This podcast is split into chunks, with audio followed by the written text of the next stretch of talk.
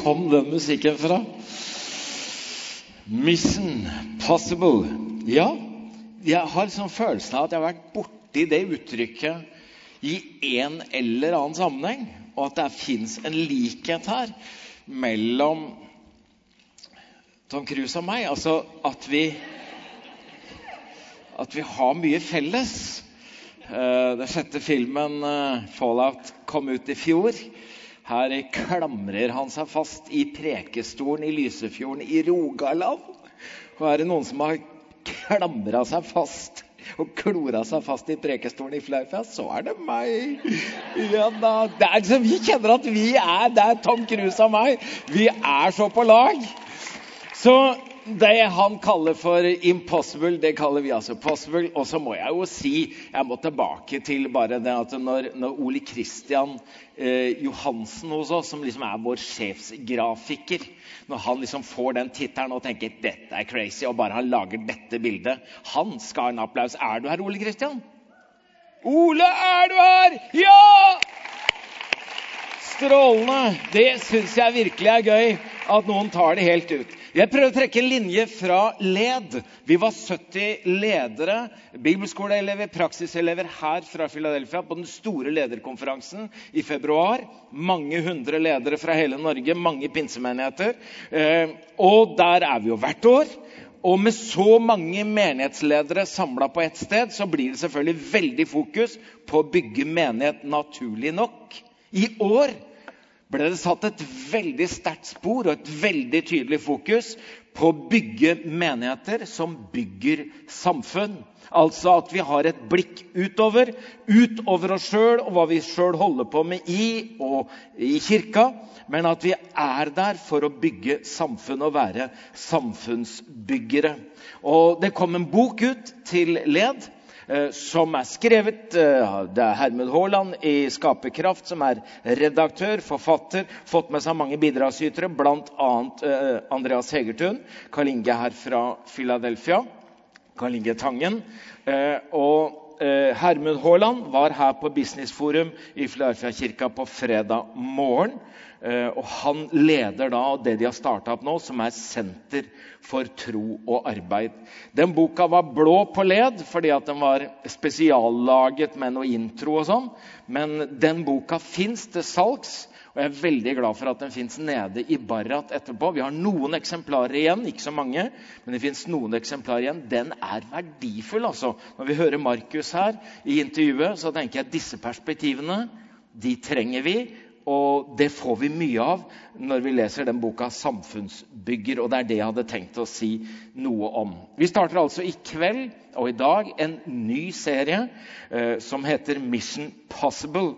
Eh, Jesus sa jo at Guds rike ikke bare er noe som vil komme en eller annen gang en, i, i, langt i fjern framtid, men at det er noe som allerede har kommet, og som kommer mer og mer i oss og rundt oss. Både der det er lett å gjenkjenne at Gud er på ferde, men også der det kan virke som om Gud tilsynelatende er langt unna.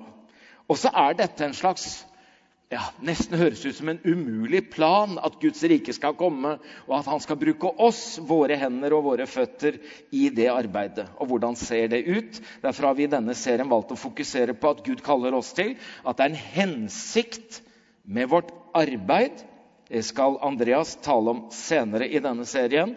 Så er det en hensikt med at vi hviler, hva vi gjør i fritida vår. Eh, det skal Siri Novak Øen tale om neste søndag. Og så skal jeg prøve å sette fokus på at vi skal gjøre en forskjell både i verden og i samfunnet rundt oss. Høres det bra ut? Ja, veldig lunkent, men det kan bli bra likevel. Jeg har tre sånne fokus på verden å begynne med at vi er sendt til verden. Mission på engelsk blir jo veldig enkelt misjon, eller oppdrag på norsk. Og jeg syns kanskje at oppdrag er et ord som utvider tanken med en gang vi sier misjon. Så tenker vi ja, det er noen som reiser til Afrika, noen som reiser til India. Og det er fint. Og det er virkelig en del av det store oppdraget. Men oppdraget er mer, det angår flere, og det er større enn det. Selv om ord misjonær og misjon ikke forekommer i Bibelen, så er det en slags rød tråd, et slags hovedtema gjennom hele Bibelen. Misjon betyr å sende, og misjonær er altså en utsending. Og dette kallet er ikke først og fremst et individuelt kall til enkelte kristne, den og den og den, men det er et kollektivt kall til hele kirka, altså til oss alle.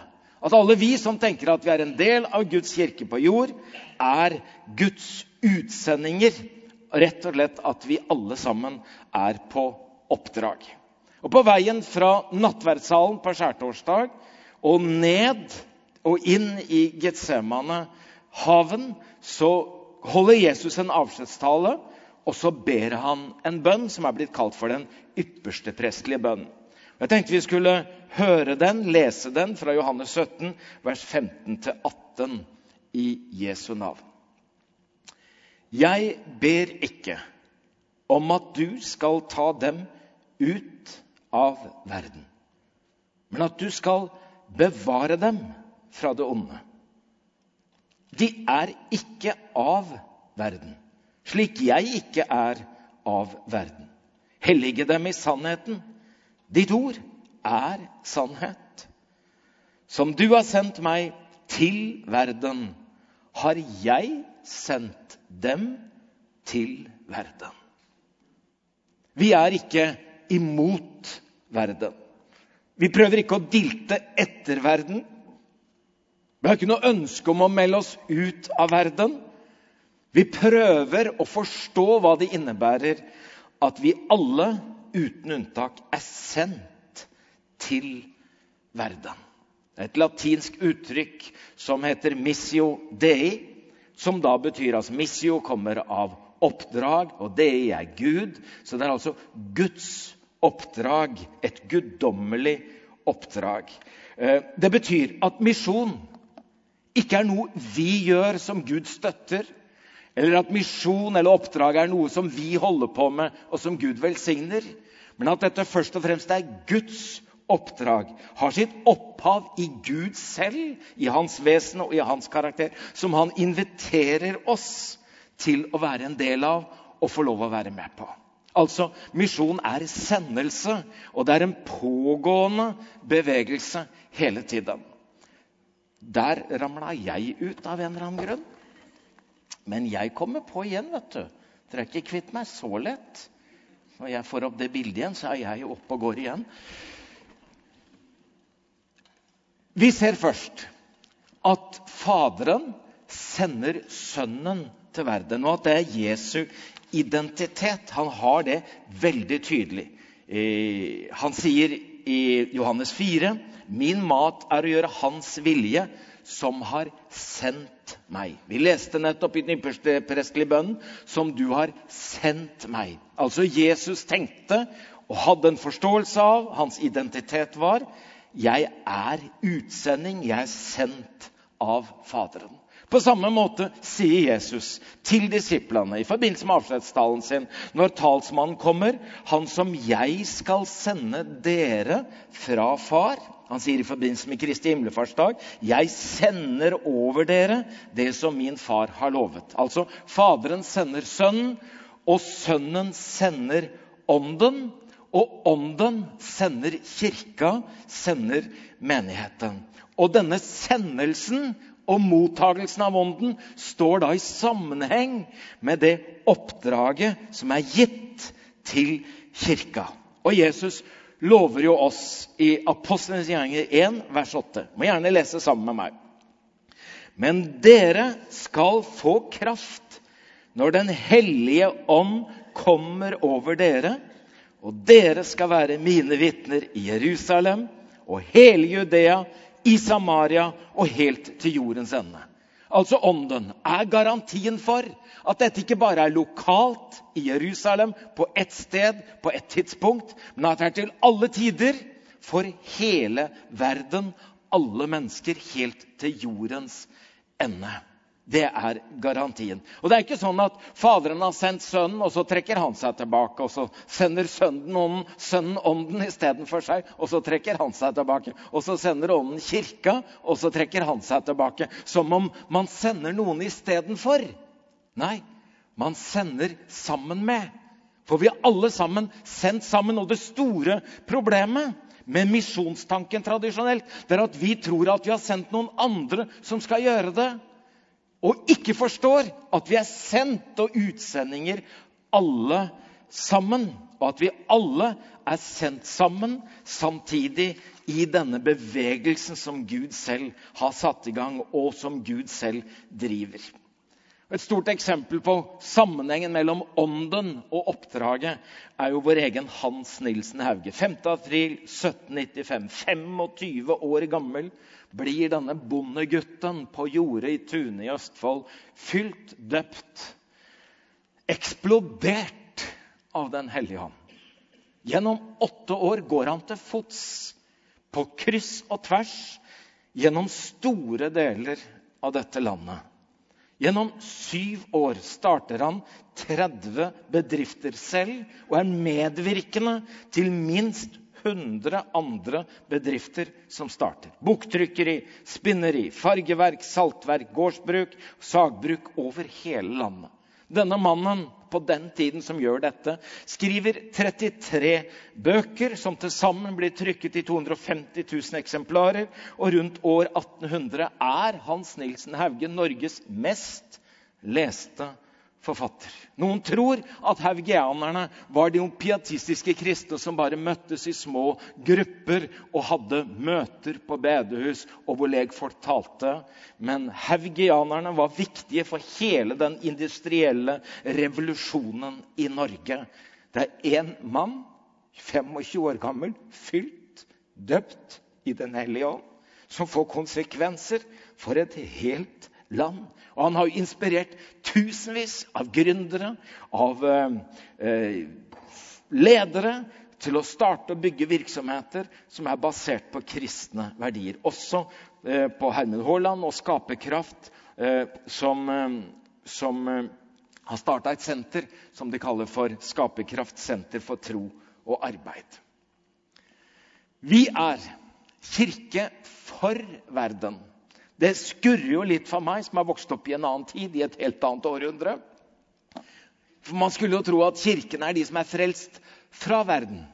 Altså, Det er vi som har kommet ut av verden, og så er vi frelst fra verden. Og så sier jeg at vi skal være kirke for verden.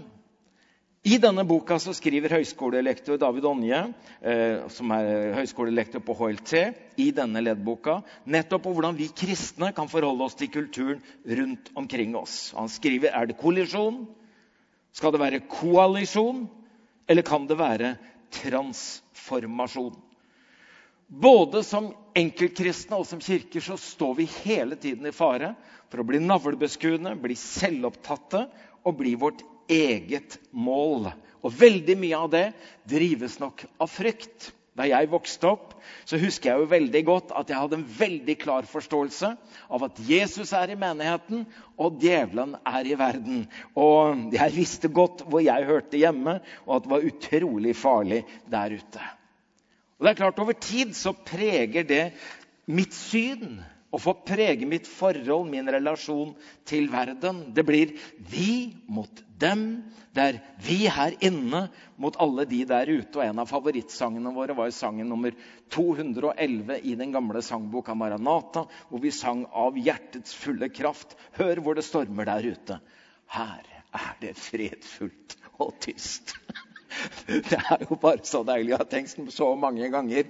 Med den tenkningen så står vi jo i fare for å være isolerte pastorer som fostrer isolerte kristne som lever sine liv i isolerte menigheter. Jeg var For mange år siden når jeg var ungdomspastor her i Filla, så var jeg på besøk på en ungdomsskole. Jeg tenkte jeg skulle være litt sånn frimodig når jeg gikk inn i klasserommet og spurte hei, er det noen av dere som har sett en pinnsvenn før. Det ble helt stille. Og så er det ei jente som rekker hånda og være litt usikker til ja. Og så sier jeg så fint. Hvor? i garasjen.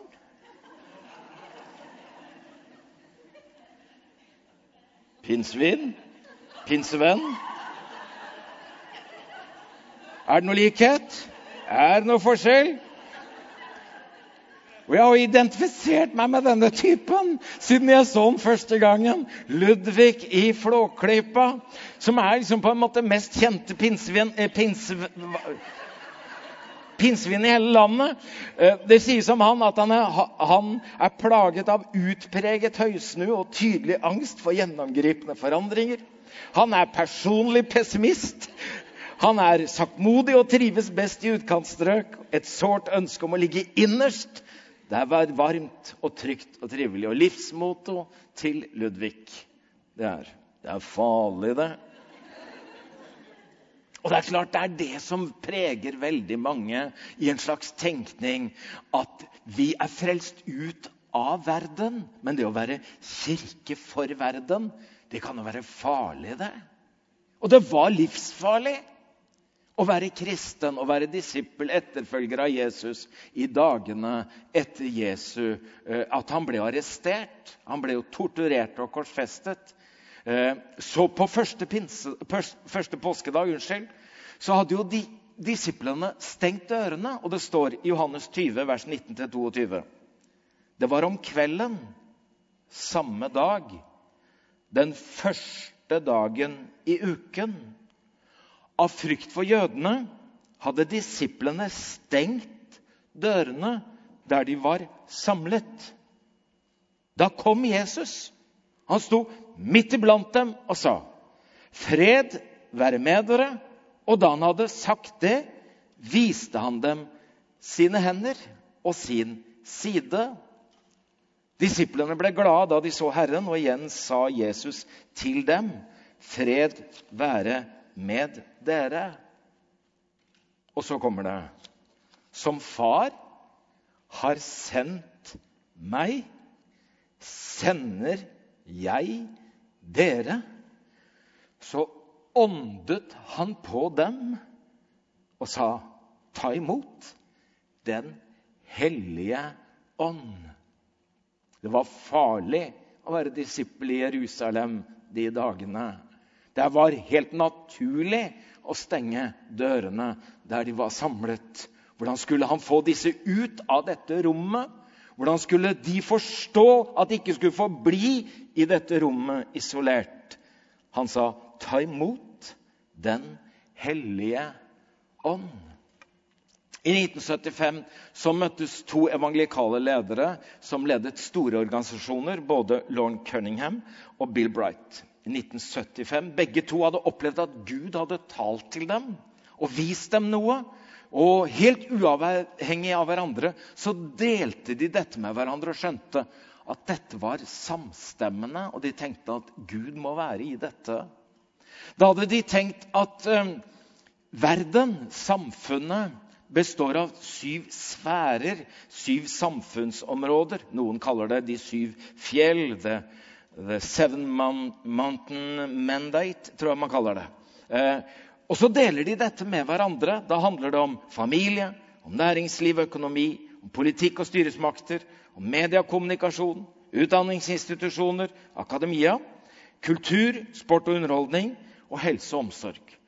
Og Antageligvis er det sånn at du er på vei inn i en av disse sektorene, eller befinner deg i en av disse sektorene eller sfærene og tenker Kanskje jeg er sendt? At jeg ikke bare har havnet der ved en tilfeldighet, men at jeg har et oppdrag, missio dei, Guds oppdrag i denne sektoren. Og så ser vi altså for oss at Kirken ikke er en isolert del, men en men ut, et utrustende sentrum. Og Det er flott når vi samles en søndag og vi kommer mange til gudstjeneste. Og så spør vi hele tiden hvor mange var vi, hvor mange er vi? Men det er mye større når vi sendes. At dette er et sted hvor vi samles, men vi utrustes. Og så sendes vi, og vi sendes ut i de ulike sfærene for å spre Guds rike og Guds rikes tankegang. Sånn som tempelet var i Det gamle testamentet, hvor man kom, fiskere, bønder, konger, alle som kom til tempelet. De kom med sine liv, sine gaver, og så, de, så takket de og tilba Gud så fikk de veiledning, undervisning om forvaltning og hvordan de skulle leve livene sine. Og så fikk de med seg Guds velsignelse. Så på samme måte som tempelet var et sentrum for mennesker i Det gamle testamentet, tenker vi at kirka er et utrustende sentrum i vår egen tid, og at Kirken er kalt til å sende oss ut.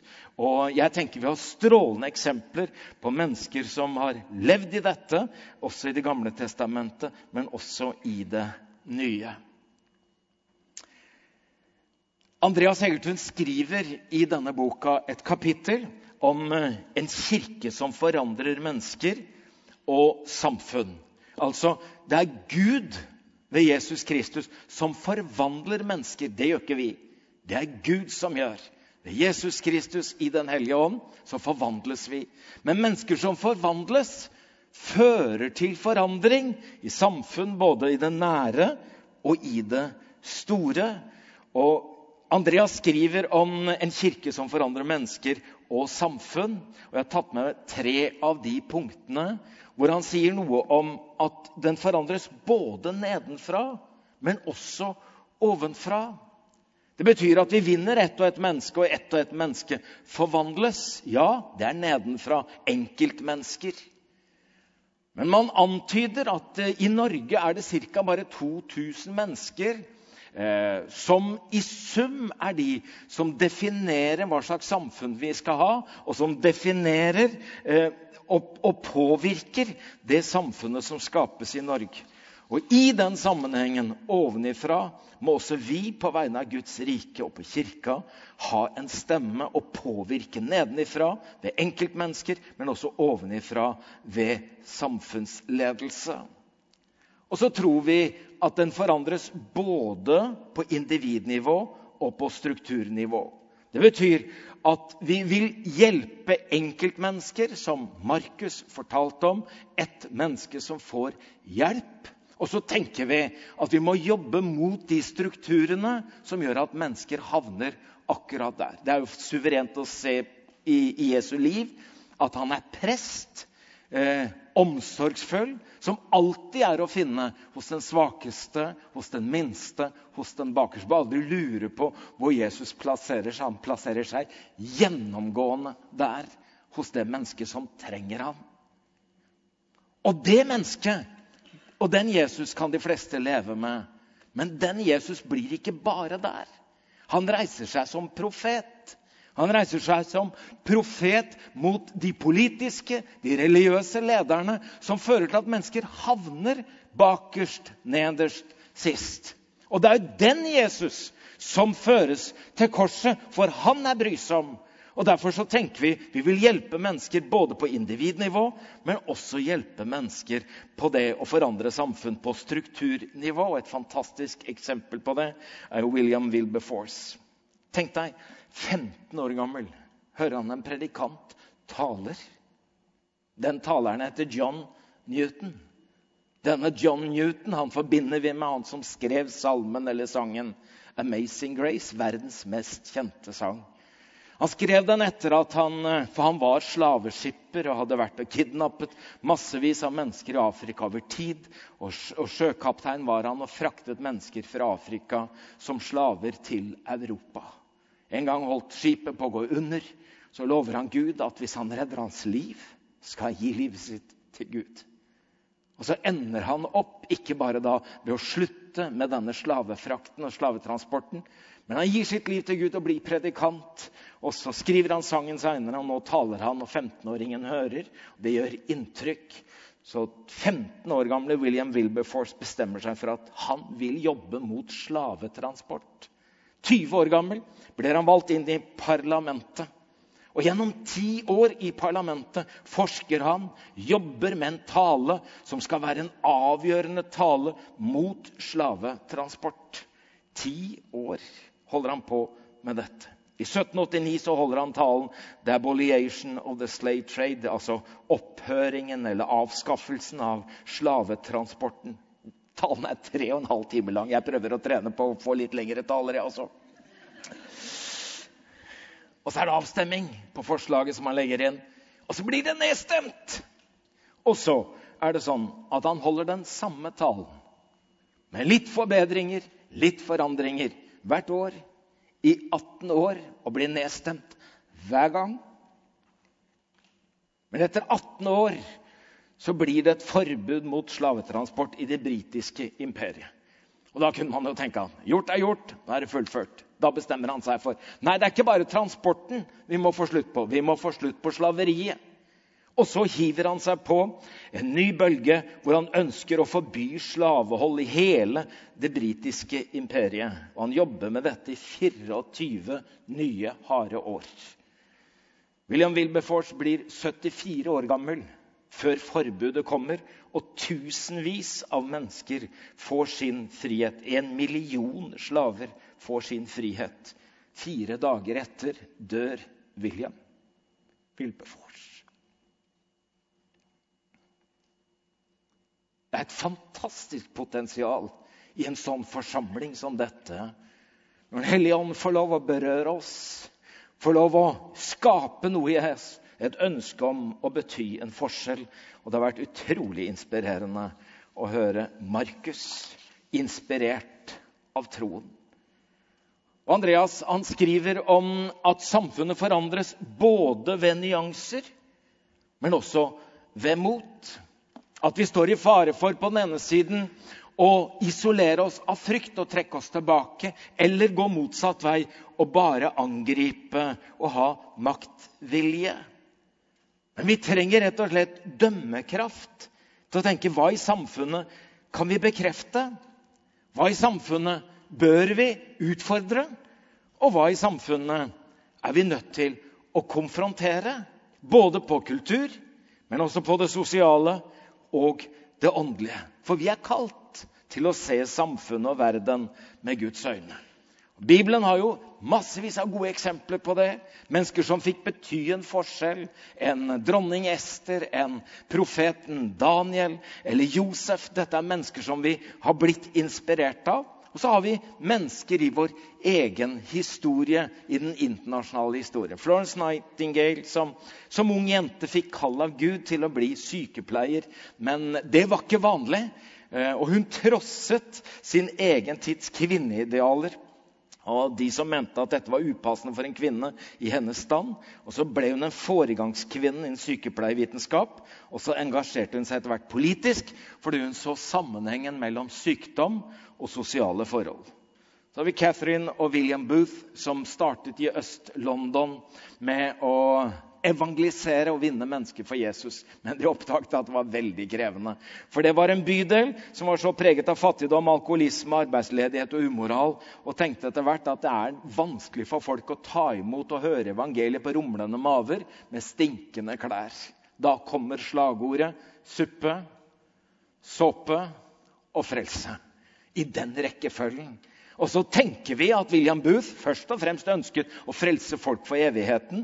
Men det er få som har gjort så mye for å forandre den nåværende verden rett og slett ved en hær av frelsessoldater og offiserer over hele verden. De jobber i mer enn 130 land. Kom med et lite halleluja for det. Vi kjenner igjen doktor Martin Luther King, eh, borgerrettsforkjemperen for de svartes rettigheter i Amerika. I have a dream. Nelson Mandela jobber mot apartheid og går inn i forsoningsprosessen eh, i etterkant når han får sin frihet. Mindre kjent er kanskje Dag Hammarskjöld, som ble den eh, generalsekretæren i FN som tok over etter Trygve Lie. Folk visste ikke om hans kristne tro. Men den ble veldig klar. altså Han eh, sto som generalsekretær i FN i veldig krevende internasjonale situasjoner i kriser som kunne ha ført nesten hvor som helst. Og han fikk fikk bruk for alle sine diplomatiske evner. Og John F. Kennedy omtalte Dag Hammarskjöld som den største statsmannen i vårt århundre. De fant dagboknotatene hans. De utga en del av det i en bok som heter 'Veimerker'. Og han skriver en bønn, og vi skjønner hva som har drevet ham. Måtte alle se deg, også i meg. Måtte jeg få berede veien for deg og takke for alt som da vederfares meg. Måtte jeg ikke derved glemme andres nød. Hold meg fast i din kjærlighet, slik du vil at alt skal bevares i min. Måtte alt mitt vesen vendes om til din ære, og måtte jeg aldri fortvile, for jeg er under din hånd. En bønn, et skrik, et rop fra hjertet til Dag Hammarskjöld. Og det var ingen tvil om at det var dette som drev han. Er det kanskje sånn at det er ikke en selvfølge at alle vi blir skrevet inn som samfunnsreformator i verdenshistorien, men vi er alle på oppdrag. Kanskje vi kan skrive oss inn i historien til ett menneske eller noen mennesker som tenker at han eller henne betydde en forskjell i livet mitt. At vi kan pusse opp for noen som trenger hjelp. At vi kan skape en fest. Eller at vi kan gjøre noe av det som fins på dette alle på oppdrag. Jeg tenkte jeg skulle ta det siste punktet om Gud i all verden. Du vet, Når det er noe vi er veldig overraska over eller ikke skjønner, så sier vi 'Å, i all verden? Hva i all verden? Hvor i all verden? Hvem i all verden?' Eh, og Da er det veldig sånn uforståelige greier. Og, og, Gud i all verden er i aller høyeste grad overraskende og ganske uforståelig. For er virkelig Gud i all verden? Og hva slags forhold skal vi ha til verden? Jeg syns dette er på en måte litt sånn paradoksalt. På den ene siden så står det veldig tydelig i Bibelen Elsk ikke verden, heller ikke det som er i verden. Og det er klart at det var lagt stor vekt på det når jeg var barn. Det står jo selvfølgelig i kontrast til det mest kjente verset i hele Bibelen. For så høyt har Gud elsket verden. Ja, Gud elsker verden, men jeg skal ikke elske verden. Og det blir veldig fort sånn skal, skal ikke, vil, vil ikke. Husker det at når vi skulle velge kjæreste, så tok vi ofte en prestekrage. Ja, jeg er så gammel som det. Og så skulle vi ta ett og ett kronblad og så skulle vi si 'skal', 'skal ikke', 'skal', 'skal ikke'. Det var derfor jeg havna på den kjæresten jeg fikk, da. Ja, Nei da. Det, det har noen sånne triks. da, vet du, at Uansett hva du havner med, så får du den kjæresten du vil. Men uh, det er litt sånn, da. Skal vi elske verden og frykte den? Eller uh, skal vi isolere oss fra verden? Skal, skal ikke? Da tenker jeg at vi må se verden med Guds øyne. Og Da må vi se den i flere perspektiver. og jeg tenker at Det er det som er kallet, og som ligger i denne dagens tema. Det er å be til Gud om at vi må få se verden med hans øyne. Da må vi se verden og skapelsen som kaos som ble til kosmos, og hvor alt i verden tilhører Gud. Og så må vi se verden og syndefallet. At det fins en fallen verden hvor det fins et gudsfiendtlig system som er under Guds dom. Og den verden, som ikke er menneskene, men det gudsfiendtlige systemet, det som står Gud imot, det skal vi ikke elske. Vi må se at det fins en verden som er en del av syndefallet. Og så ser vi allikevel om verden er falt i et syndefall, så har Gud forsonet seg med verden. For så vidt har Gud elsket verden at han ga sin sønn den enbårne. Det er jo det mest kjente. Men det står også i 2. Korinterbrev 5, vers 19. For det var Gud som i Kristus forsonte verden med seg selv. Så Gud har forsonet seg med verden gjennom Jesus Kristus. Og så kan jeg få se verden i lys av pinse og pinsedag. Pinsedag handler jo selvfølgelig om 120 mennesker, disipler, etterfølgere av Jesus, som ble fylt med Den hellige ånd. Så taler Peter, og på pinsedag ble 3000 mennesker frelst. Men hvis pinsedag først og fremst handler om det som skjer i Jerusalem med de menneskene vi hører om, så har vi begrenset pinsedagens betydning. For Peter refererer på pinsedag til Joels profeti. Joel 3, vers 1 og 2. En gang skal det skje at jeg vil utøse min ånd over Jeg hørte ikke riktig. Jeg hørte vel nesten ikke hva dere sier. En gang skal det skje at jeg utøser min ånd Og da er det ikke 120, da er det ikke 3000 på ett sted på ett tidspunkt, men over alle mennesker. Altså at Gud har flyttet inn i verden ved sin ånd. Så dere sønner og døtre skal tale profetord, de gamle blant dere skal ha drømmer, og de unge skal se syner. Selv over treller og trellkvinner vil jeg utøse min ånd i de dager. Jeg synes Det er fantastisk å lese apostlenes gjerninger om hvordan Gud ved sin ånd bruker både enkeltmennesker og menigheter. Og så tenker vi av og til at det er sånn at vi tar med oss Gud ut i en gudløs verden, og vi tar med oss Gud i møte med gudløse mennesker. Men etter pinsedag er det helt feil. Gud er i verden. Derfor er det ingen gudløse steder i verden. Gud er over og i nærhet og i om, eh, skal vi si, utøst over alle mennesker. Derfor fins det i virkeligheten ingen gudløse mennesker.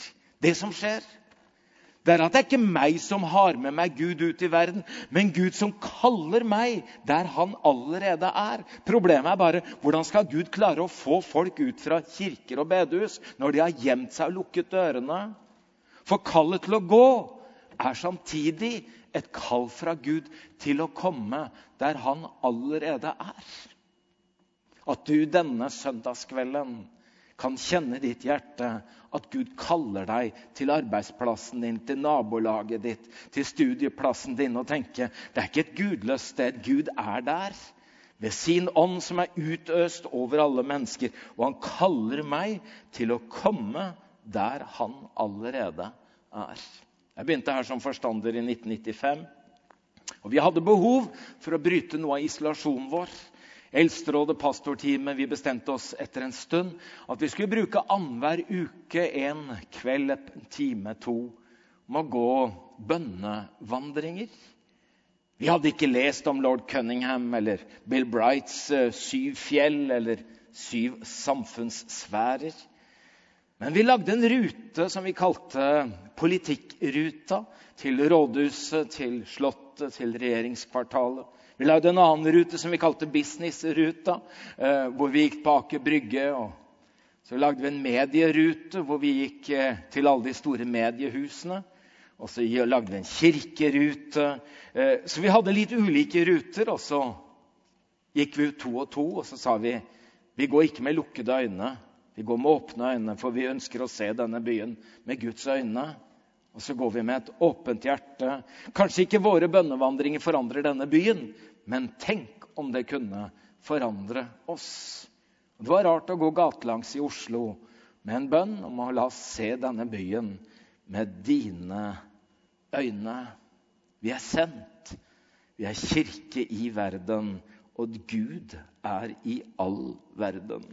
Kan vi lese sammen verset fra Jeremias 29, vers 7 i Jesu navn. Dere skal fremme fred for den byen som jeg har ført dere til i eksil. Dette er jo skrevet og sagt som en profeti til Israels folk, som er ført som fanger, slaver, til Babel, til Babylon. Selv dette gudløse stedet, Babylon, skulle de be for skulle de tenke. Vi har ikke bare havnet her, men Gud har en hensikt. Gud vil bruke oss. Og så skal dere be til Herren for den. For når den har fred, har også dere har også dere fred. Det er ikke sikkert at Gud tenker at du først og fremst må flytte til et annet sted. Heller ikke at du først og fremst skal finne deg noe annet å gjøre, men at du skulle få lov å se det stedet du er, og det du gjør, med Guds øyne. Herre, jeg takker deg For at du som fylte Hans Nilsen Hauge med din ånd, du som reiste opp mennesker som fikk bety en forskjell. Jeg takker deg for Markus og hans vitnesbyrd og hans fokus for livet. Herre, jeg ber om at det preger oss på ulike områder, i ulike sfærer. At vi kan tenke vi vil se på oss sjøl som sendt fra deg, med deg, for deg. Missio Dei. Amen. Amen.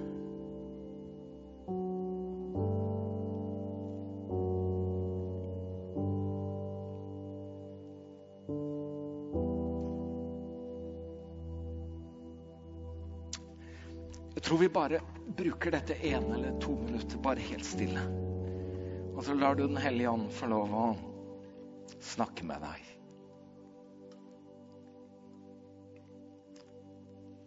Tenk på hvor du er i det daglige. Tenk på hvor du bor. Tenk på hvem du omgås med. La Den hellige ånd få lov å inspirere og motivere deg for å tenke. Du kan bety en forskjell. Du har ikke bare havna der. Du er sendt dit.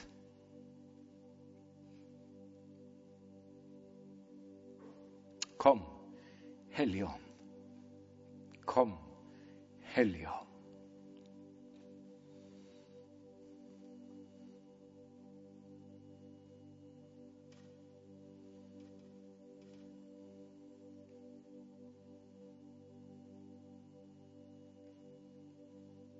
Herre, vi vil bygge dette samfunnet.